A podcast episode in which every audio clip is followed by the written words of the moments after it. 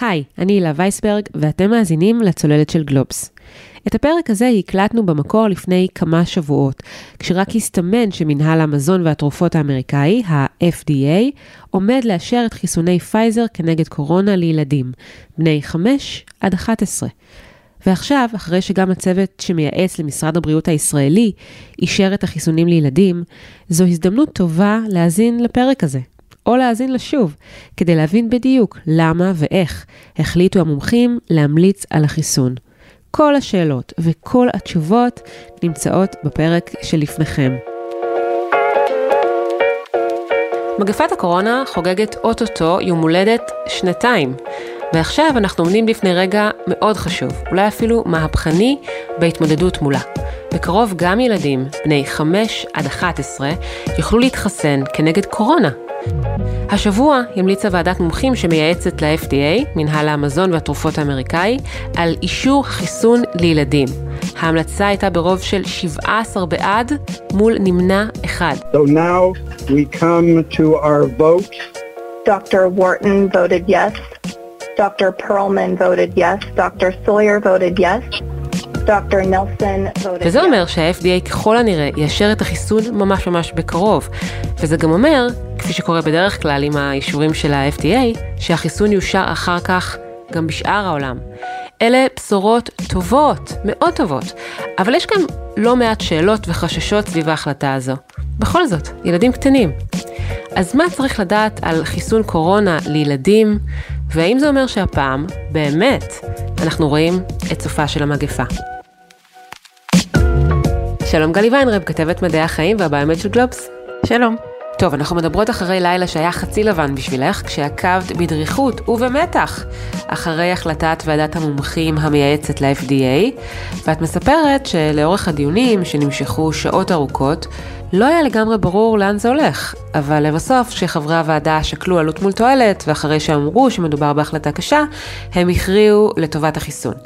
אז בואו נתחיל מלהבין מה זו הוועדה הזו, מי הם אותם 18 מומחים שכובד ההחלטה מונח על כתפיהם. אז ועדה מייעצת אה, זה גוף שה-FDA לעיתים קרובות אה, מכנס אה, להצביע על החלטות חשובות, כשבכל תחום אה, מכנסים ועדה מייעצת של מומחים לאותו תת תחום, זאת אומרת הוועדה הזו היא אה, מתמחה בחיסונים. זו אותה ועדה שבעצם אה, פחות או יותר באותו הרכב מלווה את כל הדיונים בחיסון לקורונה מאז ההצבעה הראשונה לחיסון של פייזר למבוגרים. יש בה אפילו נציג ישראלי אחד, דוקטור עופר לוי מבית החולים לילדים בבוסטון, אז כבוד. אוקיי, ומה המשמעות של ההחלטה של הוועדה הזו? למה צריך אותה? אז ה-FDA באמת מגייס אה, מומחים בלתי תלויים שהאירו אה, אור על הסוגיה מכל מיני כיוונים. כמעט תמיד ה-FDA מקבל את ההחלטה של הוועדה, היו מקרים נדירים שלא.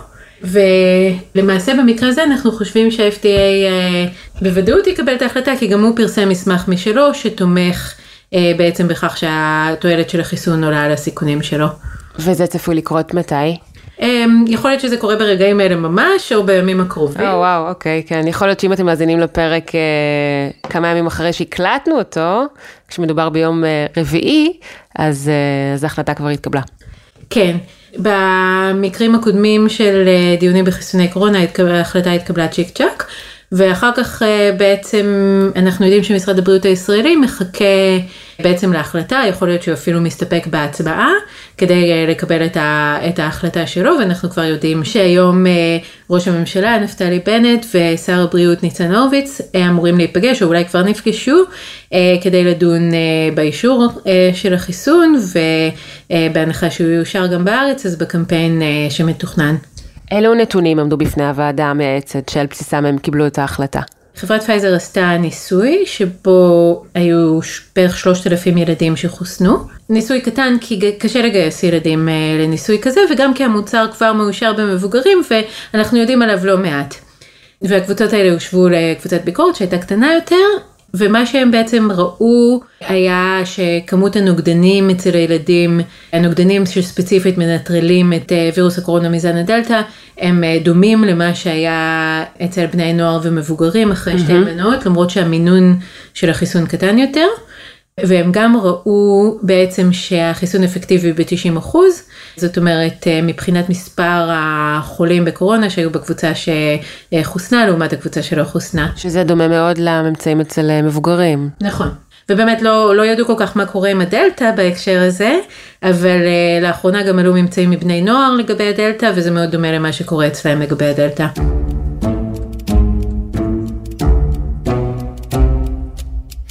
אנחנו מדברות על אה, ניסוי שכלל 3,000 ילדים, ומדובר בסדר גודל הרבה יותר קטן מאשר אה, קיים בדרך כלל אה, בניסויים בתחום של חיסונים ותרופות, וגם הרבה יותר קטן בהשוואה לניסויים שנערכו עבור חיסון למבוגרים.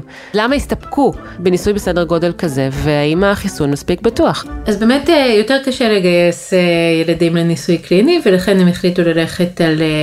ניסוי יותר קטן כרגע, גם בגלל ההיכרות uh, שיש לנו כבר עם המוצר הזה בעצם, mm-hmm. עם uh, תופעות הלוואי שיש uh, אפילו בילדים בני 12 ומעלה, ובילדים uh, בסיכון שכבר חוסנו אפילו לפני שהיה אישור רשמי.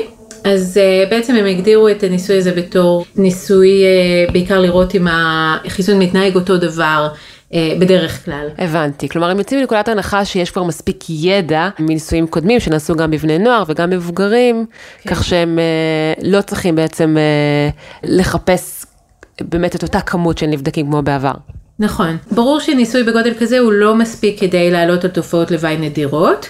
ויש איזשהו חשש, וגם המומחים הביעו אותו, שיש, ייתכנו איזה שהן תופעות לוואי נדירות שמופיעות בילדים. בכל זאת, ההערכה היא שעדיין שווה ללכת על זה עכשיו. המטרה היא גם לעשות איזשהו מערך אה, איתור תופעות לוואי מאוד מאוד מאוד רגיש, כדי שאם נניח ביום הראשון, ביום השני שיתחילו לחסן, פתאום יצוץ משהו, אז אפשר יהיה מיד לעצור. ואנחנו נדבר על תופעות הלוואי ממש אה, עוד מעט, אבל לא איתרו משהו שהיה חריג אה, וייחודי אצל ילדים בניסוי הזה. לא מצאו כלום. זאת אומרת, היו רק התופעות הרגילות של חום והדמומיות באזור הזריקה וקצת כאבים, אבל ממש אה, תופעות לוואי קשות לא היו. אז בואי נלך רגע כמה צעדים אחורה ונדבר על מצב הקורונה בעולם, בישראל, איפה אנחנו עומדות עכשיו? אז uh, בישראל הקורונה בדעיכה משמעותית. אני חושבת שיש עכשיו uh, בערך uh, רבע או שליש מכמות החולים קשה שהייתה לפני חודש, גם מספר המאומתים ירד. ולראיה אנחנו יושבות פה בביתך, ואנחנו תמיד נפגשות כמעט תמיד בבית של גלי בשנה החולפת, בלי מסכות. כן. אני חושבת לראשונה אי פעם. נכון, עד עכשיו אני תמיד הייתי משוריינת לחלוטין. אז זה מגפה בדעיכה, נראה שהחיסון הבוסטר עובד, אנחנו מייחסים את הדעיכה אה, לחיסון הבוסטר, אין לנו. סיבה כרגע לחשוב שזה מאיזושהי סיבה אחרת, אבל מאותה סיבה גם אנחנו מתחילים לראות שבעולם אה, יש שוב עלייה, אנחנו חושבים שזה בגלל שהם לא מחוסנים בבוסטר. אני מאוד מקווה שהדעיכה הזאת היא לתמיד, יש סיכוי כזה. אבל גורמים ש... שלוחצים זה למשל שאנשים שהתחסנו רק פעמיים, החיסון שלהם ממשיך לדעוך, אנחנו לא יודעים מה קורה עם החיסון השלישי, אם הוא ידעך, אנחנו לא כן. לא יודעים אם על וריאנטים, יש כל מיני סיבות לחשוב שיכול להיות ש... שהתחלואה תחזור. והגענו לשאלת המפתח של הפרק הזו. למה בעצם לחסן ילדים אם אנחנו יודעות שילדים מקבלים את המחלה, את הקורונה, באופן מאוד מאוד קל? בהכללה זה מאוד נכון. ילדים בהכללה מקבלים את הקורונה באופן קל, היא חולפת, בדרך כלל לא משאירה סימן. זאת אומרת, אני, אם הילדה שלי חלילה הייתה חולה עכשיו בקורונה, לא הייתי כאילו נורא מודאגת. אבל יש יוצא דופן, יש ילדים שחולים קשה, יש ילדים שחולים באופן מאוד מאוד ממושך, אה, ויש ילדים אפילו שנפטרים, בארץ אני חושבת שהמקרה של נער אחד שנפטר, בארצות הברית 94 ילדים נפטרו, שזה נשמע כלום, אבל זה סיבת המוות השמינית של ילדים בארצות הברית. זאת אומרת, ילדים, תודה לאל, עכשיו לא מתים. לעומת אה, נגיד אפילו 50 שנה אחורה. בעצם גם אמרנו שתינו, טרם אה, התחלנו להקליט את השיחה, שיש איזושהי מיסקונספציה סביב קורונה וילדים. זה לא תמיד מחלה super duper ultra קלה. יש גם מקרים שמסתבכים. יש אה, קורונה שבעצמה מובילה לאשפוז, יש אה, תופעה שקוראים לה PIMS, שזה דלקת שמופיעה כמה שבועות אחרי שהיה נראה שיש החלמה מהמחלה, אבל מקושרת בצורה מאוד uh, ברורה למחלה ולהשלכות uh, שאחריה יש תופעות של לונג קוביד, שזה אומר שהילדים סוחבים איתם איזושהי השפעה של המחלה שבועות וחודשים ואנחנו לא יודעים אפילו מה המקסימום האפשרי. ומעבר לכך יש באמת את ההשפעה של תחלואת הילדים על אה, תחלואה מסביבם, על תחלואת מהמבוגרים. ילד שהתייתם בגלל שהוא הדביק את ההורה שלו בקורונה זה לא איזה משהו שאפשר להתעלם ממנו, הוא הצפת. ילד שלא הולך לבית ספר בגלל שבית ספר בבידוד, אפילו אם זה כמה ימי בידוד במודל הכיתה הירוקה, ילד שצריך להיבדק כל הזמן, אנחנו לא אוהבים את הדברים האלה, מעדיפים אה, לראות אותם נעלמים.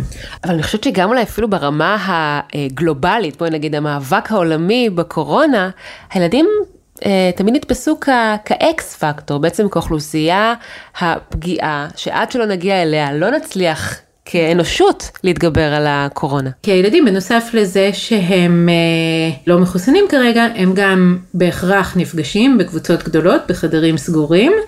הם בהכרח יותר קשה להם אה, לשמור על אה, ריחוק חברתי, על היגיינה. תפוצת המחלה אצלם היא אה, בהחלט פקטור שקשה מאוד לשלוט בו, למרות שהם פחות חולים. זאת אומרת, למזלנו הם פחות חולים, אחרת זה בכלל היה קטסטרופה. אבל כשמומחים מדברים בעצם על היכולת לחסן ילדים כנגד קורונה, הם מדברים על כך שברגע שזה יקרה, אז ככל הנראה, מה, ניצחנו? הם בדרך כלל מנסחים את זה הפוך ואומרים שכל עוד הילדים לא מחוסנים אין מצב לנצח, אין מצב להגיע לחיסוניות עדר. עכשיו אנחנו רואים מסביבנו שהמגפה דועכת למרות שהילדים בקבוצת גיל הזאת עדיין לא מחוסנים, וזה יופי, זה מעולה, הלוואי וזה ימשיך ככה. אבל יש איזושהי הערכה ש, שכל עוד uh, ילדים לא מחוסנים בהכרח uh, המחלה היו התפרצויות פה ושם באיזשהו בית ספר, באיזושהי שכונה, um, שאי אפשר לנצח בלי זה.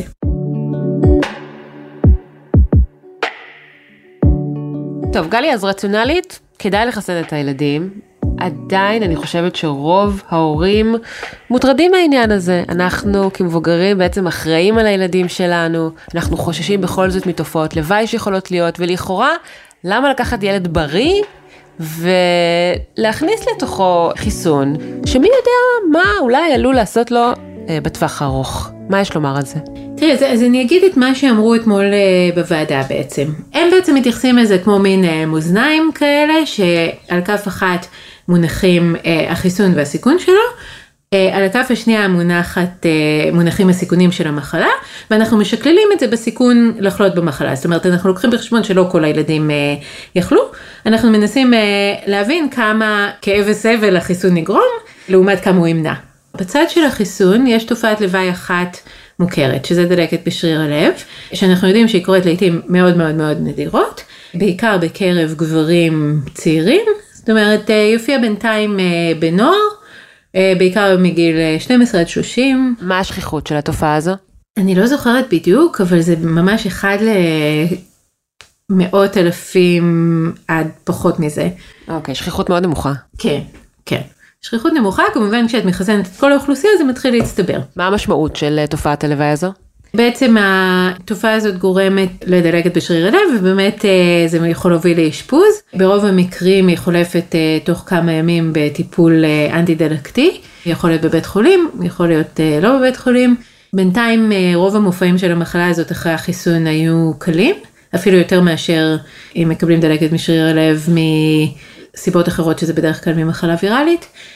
האם זה עלול לגרום לנזק ארוך טווח ללב? אף אחד לא יודע בוודאות, כרגע מעריכים שלא. היה מקרה של אה, בני נוער שמתו מדלקת בשריר הלב? אני חושבת שבארצות הברית אולי היה אחד, אני לא זוכרת בדיוק, אבל אה, או שהיה מקרה ולא בטוחים שהוא אה, באמת קשור לחיסון, אבל בכל מקרה זה, זה הרמות שאנחנו מדברים עליהן, בודדים. ואז כמובן שאת לא תקחי אפילו את הסיכון הזה אם אין לך את הכף מאזניים השנייה. עכשיו מה יש לך על כף המאזניים השנייה? יש לך את המחלה כפול הסיכוי כרגע לחלות בה, ומה גורמת המחלה? גורמת uh, לאשפוזים ישירות מקורונה. עכשיו, גם אם אני עוצרת פה, כרגע ברמות התחלואה בארצות הברית, אשפוזים מקורונה כפול הסיכוי לחלות בקורונה, זה יותר מאשפוזים מדלקת בשריר הלב. זה אחד מהנתונים שמאוד מאוד הדגישו. זאת אומרת, אם יש לך אה, לקבל את ההחלטה עכשיו ואת גרה בארצות הברית, אז בעצם הסיכון שלך מקורונה הוא יותר גדול, ישירות מקורונה. ואחרי זה, גם אם את מוסיפה על זה אה, את ה PIMS, שדיברנו עליו, הדלקת המאוחרת, ואת מוסיפה על זה את ה long COVID, אז זה עוד יותר מצטבר, ומטה את הכף לכיוון אה, שהמחלה גרועה יותר ושכדאי לך להתחסן. עכשיו הם הלכו ועשו כמה ניתוחי רגישות והם אמרו בואו נוריד את הסיכוי לחלות. נניח אה, אנחנו מצליחים להוריד להוריד להוריד להוריד את הסיכוי לחלות. אה, מה אנחנו מקבלים כשהסיכוי לחלות הוא אה, הכי נמוך שהוא היה בארצות הברית מתחילת הגל הראשון. אוקיי. Okay. ונניח אנחנו מניחים שבאמת כשיתחיל הקמפיין בישראל אז גם אנחנו נהיה בסיכון לחלות נמוך. אומרים גם במצב הזה, גם אם לוקחים רק אשפוז מול אשפוז, עדיין אנחנו מקבלים משהו מאוד גבולי. ועכשיו את מתחילה לשחק עם המשתנים. אבל אולי יש מצב שנורא נורא רצו כבר להתחיל עם החיסון לילדים, והסתפקו במדגם יחסית קטן, ואולי הם היו עורכים את החיסון בקרב עשרות אלפי ילדים, היו כן מגלים עוד תופעות לוואי? באמת רצו להתחיל מהר. אבל אני לא יכולה להגיד לך שהאנשים שראיתי אתמול רצו לתוך זה. הם לקחו את זה מאוד ברצינות, מאוד בזהירות. עד כדי שחשבת שההחלטה שלהם הולכת להיות שהם אה, לא ממליצים. בואי נגיד ככה, אני היה לי די ברור שהם ימליצו, אבל זה היה מדאיג. כאילו, מה זה מדאיג? אני רוצה שהם יקבלו את ההחלטה הנכונה, אם הם היו מחליטים שלא, אז לא. אבל זה לא היה ברור לא, לאיזה כיוון זה הולך באיזשהו רגע.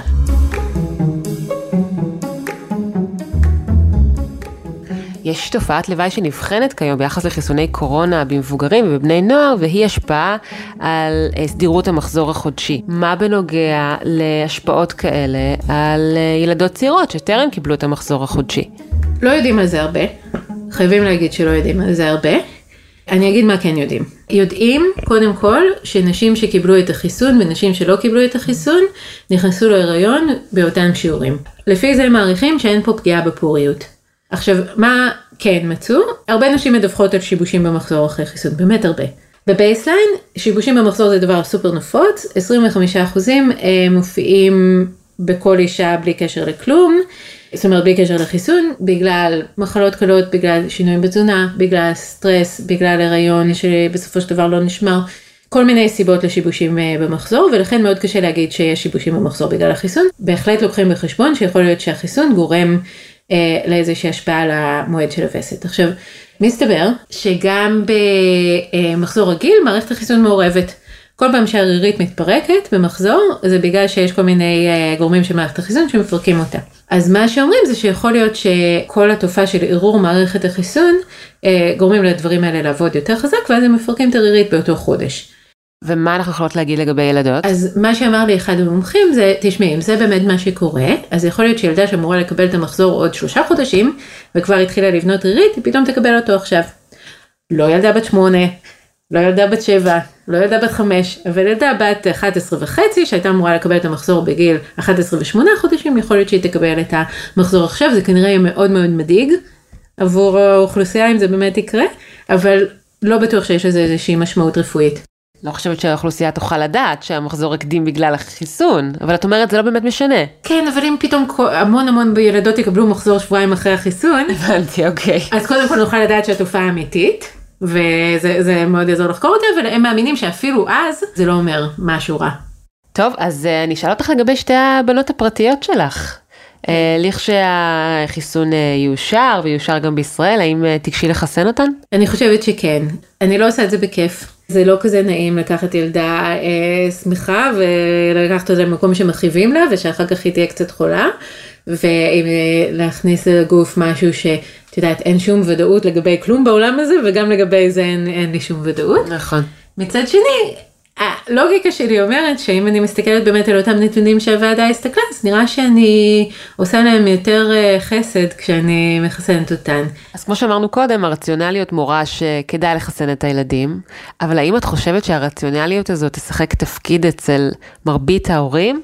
למשל הסקר של קופת חולים מאוחדת שנעשה לקראת אה, אישור החיסון בילדים, מצא שכמחצית מההורים כן יחסנו את הילדים שלהם, אבל כרבע מההורים אמרו שבוודאות לא יחסנו את הילדים שלהם, ושיקול עיקרי לכך הוא חשש מפגיעה עתידית בבריאות שלהם. ורק 2% המשיבים אמרו שהם מתנגדי חיסונים. זאת אומרת, מדובר בחששות שהם מאוד מאוד אה, נפוצים ו- ורווחים. אני חושבת שהדברים האלה מאוד משתנים לפי אה, מה שקורה בשטח. זאת אומרת, אם פתאום אה, יש עלייה בתחלואה ואנחנו רואים אה, ילדים מתאשפזים מקורונה, אנחנו פתאום רואים איזה תמונה של אה, ילדה קטנה אה, מחוברת למכשיר הנשמה או משהו כזה, אז אנחנו מבינים שגם לקורונה יש אה, סיכונים ואז כנראה שיהיה יותר... אה, אמ, יותר יותר הענות לחיסון. אם אה, המחלה בדעיכה והכל אה, נראה בסדר ואנחנו לא מכירים שום ילד שקרה לו משהו, אז יכול להיות שפתאום החששות אה, באמת יתפסו אה, יותר מקום. מה, מה את שומעת סביבך? בקרב הורים, סקרים שנעשו, אני יודעת שנעשו גם מחקרים בעולם. אני שומעת על המון אנשים שנורא רוצים לחסן את הילדים. וואלה, אוקיי. כן, אני שומעת על אנשים שמחכים לחסן את הילדים שלהם, הם מתים לקחת אותם לחו"ל, אה, וזאת הדרך היחידה שהם מרגישים בטוחים לעשות את זה. אה, הם נורא רוצים להיפטר מהבידודים, הם רוצים להחזיר אותם לחוגים בכיף. האם גם ילדים מחלימים יחוסנו? עד היום מחלימים חוסנו במנה אחת, כשבעצם אם את מסתכלת על המבוגרים אז הסיכוי שמחלים לחלות שוב הוא בדלתא היה 1% בערך. והסיכוי של מחלים מחוסן היה אפס כמעט. וואלה. אז ממליצים למחלימים להתחסן אה, במנה אחת, יכול להיות שזה גם מה שהמליצו לילדים. אז מה קורה עכשיו מבחינת ההיערכות של משרד הבריאות וקופות החולים לחיסוני ילדים? אז החיסונים קיימים בארץ. אמ, זה אותו חיסון בעצם שנותנים למבוגרים רק בשליש הכמות.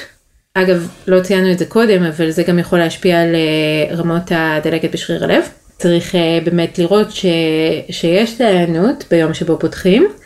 אה, אני חושבת שזאת הסיבה שאולי משרד הבריאות מחכה קצת, הם אמרו שהם יצאו לקמפיין במחצית השנייה של נובמבר, ואז נשאלת השאלה למה לא מיד. יש לי תחושה שהם רצו לחכות טיפה אה, כדי אה, לדגום את השטח ולראות מה קורה וברגע שהם אה, ירגישו שיש להם את האנשים שרוצים להתחסן ואולי גם כמה ימים אפילו של תוצאות של החיסון בחו"ל אז הם ירגישו בנוח להיכנס לזה. תהיה יותר אפשרות גם uh, להתבסס בעצם uh, גם בשיווק של החיסון על מה שרואים בחו"ל ולהגיד ראינו שילדים uh, התחסנו, כן. uh, זה בטוח, בואו גם. כן, יש להניח שאם הניסוי היה בשלושת אלפים ילדים ועכשיו אנחנו פותחים את הקמפיין בארצות הברית אז יהיה לנו כבר איזה מיליון ילדים בשבוע הראשון. אז uh, אגב, הזכרנו באמת שהניסוי הוא של אה, חברת פייזר והוא נעשה על 3,000 ילדים, כאן בישראל יש לנו אה, את מלאי החיסונים של פייזר, אז זה נשמע אה, תואם, אבל האם אפשר להשליך מחיסוני פייזר על חיסוני קורונה בכלל? החיסון של פייזר ומודרנה הם מאוד דומים, עד עכשיו הם התנהגו די אותו דבר, המינון של מודרנה טיפה יותר גבוה, לכן אומרים שהוא דועך קצת פחות מהר, אבל בגדול זה חיסון מאוד מאוד מאוד דומה. לגבי החיסונים האחרים, המנגנון שלהם טיפה שונה, אז אי אפשר להשליך בדיוק את התופעות לוואי וכן הלאה, אבל אפשר להניח שאותו סוג של דיון יתקיים לגביהם. בפרק 84 של הצוללת, אה, שנקרא הבלתי מחוסנים, דיברנו על אה, ילדים, בני נוער, שבעצם הם הקבוצה שטרם חוסנה ושצריך לחסן גם אותם כדי להתגבר על המגפה, ושם אמרת שמתברר שתינוקות עלולים ללקוט אה, בקורונה בצורה קשה מאוד. אז האם החיסונים יגיעו גם לגילאים המאוד רכים? אני מניחה שזה יגיע. פייזר עושה ניסוי בחצי שנה עד חמש כבר. אה, אוקיי.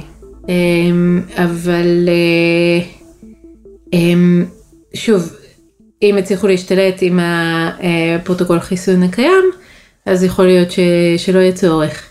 אם לא, אז uh, ייתנו את זה כמו חיסון, כל חיסון ילדות כנראה, בסופו של דבר. טוב, זה כבר אולי יהיה בשלב שבו הקורונה תהיה מין uh, זיכרון רחוק, וזה פשוט uh, תהיה עוד מחלה ממניין המחלות שמסתובבות סביבנו. כן. יכול להיות שזה יהיה כמו בבואות רוח, הרי אנחנו לא יכולים בבואות רוח רוב הזמן, גם לפני שהיה חיסון, אז אצל מבוגרים כאילו פשוט היינו עוברים את זה בילדות ו... ומסיימים עם זה. זה משהו שיכול uh, לקרות גם לקורונה, שמדי פעם עלולים לאבד מישהו, אבל בגדול גומרים עם זה בילדות. לסיום גלי, אני רוצה לשאול אותך שאלה בפריזמה קצת יותר רחבה, כי כל כך הרבה פעמים שאלתי אותך אם אנחנו נפטרנו מהקורונה, מיגרנו את הקורונה, סיימנו עם הדבר הזה כבר, ובעצם נראה שעד שלא אה, נחסן גם אה, אנשים במדינות עולם שלישי, אולי לא ניפטר מזה אף פעם. אה, מה קורה בגזרה הזו, והאם אנחנו אה, צפויים לראות אה, שינוי לטובה. אז המדינות עולם שלישי עדיין לא מחוסנות ברובן, אה, עובדים על זה. זאת אומרת, כן, יש גם אה, תרומות של אה, מדינות מערביות אחרי שהם אה, סיימו לדאוג לעצמן, אה, ובעודף אז הן התפנו גם לדאוג אה, למדינות עולם שלישי קצת. אבל כרגע מבחינת היעדים קראתי שמדובר על משהו כמו עשרה אחוז בסך הכל מהיעד שהציב למשל ארגון הבריאות העולמי. כן, הם עדיין. לא מחוסנים היטב. אם הם לא מחוסנים היטב, זה אומר תחלואה תמותה ווריאנטים, אה, שאנחנו צריכים להיות מודאגים משלושתם, אנחנו מודאגים מווריאנטים. זה יכול אה, לחזור חזרה לנשוך אותנו, וזה כמובן לא ייחודי לקורונה, זה נכון לשחפת, זה נכון לחצבת, זה נכון לאיידס. אה, כל המחלות האלה, זה שהן אה, חיות להן שם בעולם השלישי, זה לא משהו שאנחנו אמורים אה, להרגיש בנוח איתו. והאם לדעתך צריך להפנות חצי ביקורת כלפי החברות הגדולות, פייזר, מודרנה ואחרות, על כך שהן הרוויחו מיליארדים רבים מהחיסונים, אולי לא יפנו מספיק משאבים כדי שהחיסונים יגיעו למדינות עניות יותר? זאת תמיד דילמה, כי אה, החברות האלה פעם ב- יש להם אה, ושאר הזמן הן אה, משקיעות המון כסף גם במוצרים שלא מצליחים, וכשהן משקיעות במוצרים שלא מצליחים אה, אף אחד לאו דווקא בא כאילו לקחת להם את הצ'ק, אז אה, זה, זאת באמת שאלה כלכלית ערכית יותר.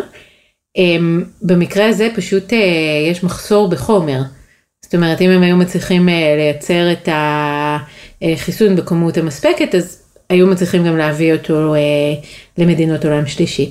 אז עד שהכושר ייצור שלהן לא יכסה את מדינות עולם שלישי, אין כל כך טעם להתווכח אם זה עולה 14 דולר למנה או 4 דולר למנה, בגלל שאין אין לתת את זה. זאת אומרת, גם אם זה היה יותר זול, זה לא שבאפריקה היו יכולים אה, כרגע לקנות את זה. ברגע שהכושר אה, ייצור יעלה, וכאילו הבעיה תהיה באמת מי יכול לשלם, אז צריך לשאול האם כולנו צריכים להתארגן ולקנות את זה עבור מדינות עולם שלישי, האם רק חברת פייזר צריכה לשאת על עצמה את העלות הזאת. שאלה. עוד שאלות שנדון בהן, אולי בהמשך. בהחלט. גלי ונרב, תודה רבה. תודה רבה.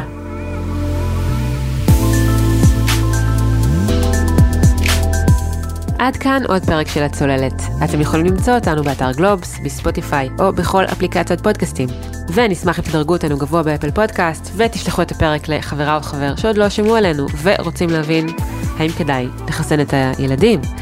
המלצה חמה לעוד פרק של הצוללת מהשבוע, האם אל על תצליח להמריא, בהגשת אמירה ברקת ובהשתתפות כתבת התעופה והתיירות של גלובס, מיכל רז חיימוביץ'. עורך הסאונד הוא ניר לייסט, אני הילה וייסברג, נתראה בפעם הבאה. ביי ביי.